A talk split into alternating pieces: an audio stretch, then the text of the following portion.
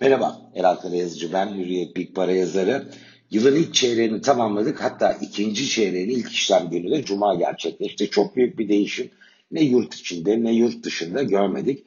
Ve e, hafta perdelerini araladı. Şimdi ilk fiyatlamaların ölçülü pozitif olduğunu söyleyebiliriz. E, hemen hemen vadeli Avrupa endekslerinde %0,6, Amerika endekslerinde %0,2 kadar artışlar var. Asya borsaları da buna, bununla paralel bir seyir ortaya koyuyor. Şimdi 1 Nisan'ı e, dahil ederek geriye dönüp bakarsak 2022 yılının o ilk 3 ayı artı bir günü ne oldu? Şimdi borsada %21'lik bir yükseliş var TL bazında. Ee, ve enflasyonu öğreneceğiz bugün saat 10'da e, aylık bazda %5.7'lik bir enflasyon bekleniyor. Bunun geleceğini varsayarsak da ilk çeyrek enflasyon ne olmuş 3 aylık dönemde dersek %23'lük bir değer çıkacak karşımıza. Şimdi borsa korumuş mu enflasyona karşı ilk çeyrekte? Evet Ukrayna Savaşı'na karşın e, büyük ölçüde borsa korumuş. Hatta temettü gelirlerini de katarsak neredeyse e, başa baş enflasyonla.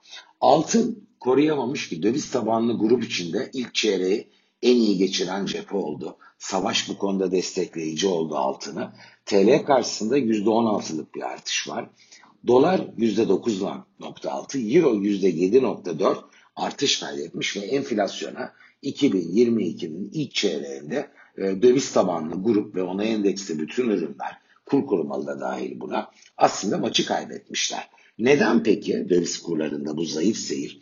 Şimdi birkaç faktör etkili. Aslında 2022'nin ilk çeyreğinde Türkiye ekonomisi e, ben Gedik Yatırım Ekonomisti Serkan Gönençler'den aldım tahmin. Henüz açıklanmadı çünkü resmi değerler. 18 milyar dolar kadar cari açık verdi. Yani ülkenin döviz cinsi gelirinin, döviz cinsi giderinin altında kaldığı tahmin ediliyor. Şimdi bu reel ekonominin döviz ihtiyacı demek ithalat e, kaynaklı olarak. Ama buna karşın kur korumalı mevduat e, silahı döviz satıp TL'ye dönen e, yereller hem şirketlerde gördük hem bireylerde gördük. Bir döviz arzı yaratınca e, Türkiye aslında yüksek enflasyona, yüksek cari açığa karşın ilk çeyrekte reel olarak kurların aşağı gelmesini sağlamış nominal bakarsak da azaltmasını sağlamış. Peki ikinci çeyrek ne olacak? Şimdi cari açığın e, biraz azalması bekleniyor ama dengeyi bulması değil. Bu kez ilk çeyrekteki 18 milyar dolar açık yerine ikinci çeyrekte Serkan Gönençler 12 milyar dolar kadar daha düşük de olsa yine bir cari açık bekliyor. Bu reel ekonominin döviz ihtiyacı devam edecek demektir. Peki yereller ne yapar? Yerellerin ilk çeyrektekinden daha az döviz satıp e, işte kur korumalı mevduat ürününe geçeceği varsaymak çok yanlış bir beklenti olmaz. Bu cepheden daha sınırlı bir katkı olacak. Peki yabancılar ne yapar?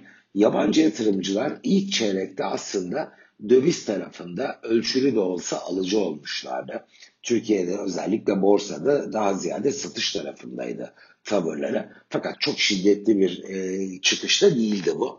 Onların ikinci çeyrekte ben çok e, etkili olacağını zannetmiyorum. Ne alıcı ne satıcı olarak döviz tarafını e, domine edecek bir ağırlıkları olacağını en azından var olan bilgi setiyle sanmıyorum. Peki ne olacak?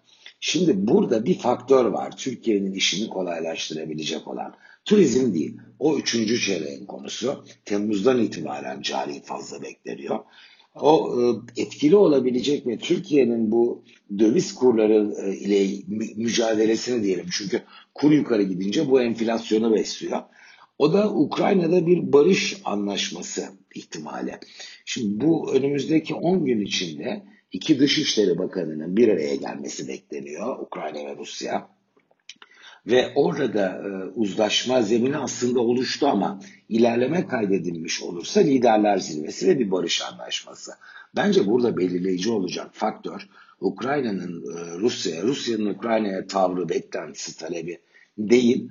Batı'nı, Batı'nın da o masada bir üçüncü aktör olarak yer aldığını düşünüyorum. Özellikle Avrupa'nın Rusya Barış Anlaşması'nın karşılığında ekonomik yaptırımların yumuşatılmasını talep ediyor olmalı. Bu açıkça ifade edilmiyor ama arka kapı diplomasisiyle mutlaka böyle bir pazarlığın yürüdüğünü düşünüyorum. Batı da olabildiğince yaptırımları yumuşatmadan Rusya'yı ekonomik olarak yıpratıp orta uzun vadede bir tehdit olma potansiyelini e, azaltmak arzusunda. İşte bu nedenle de e, Ukrayna-Rusya arasında uzlaşma zemini oluşmuş olsa da süreç ağır ilerliyor.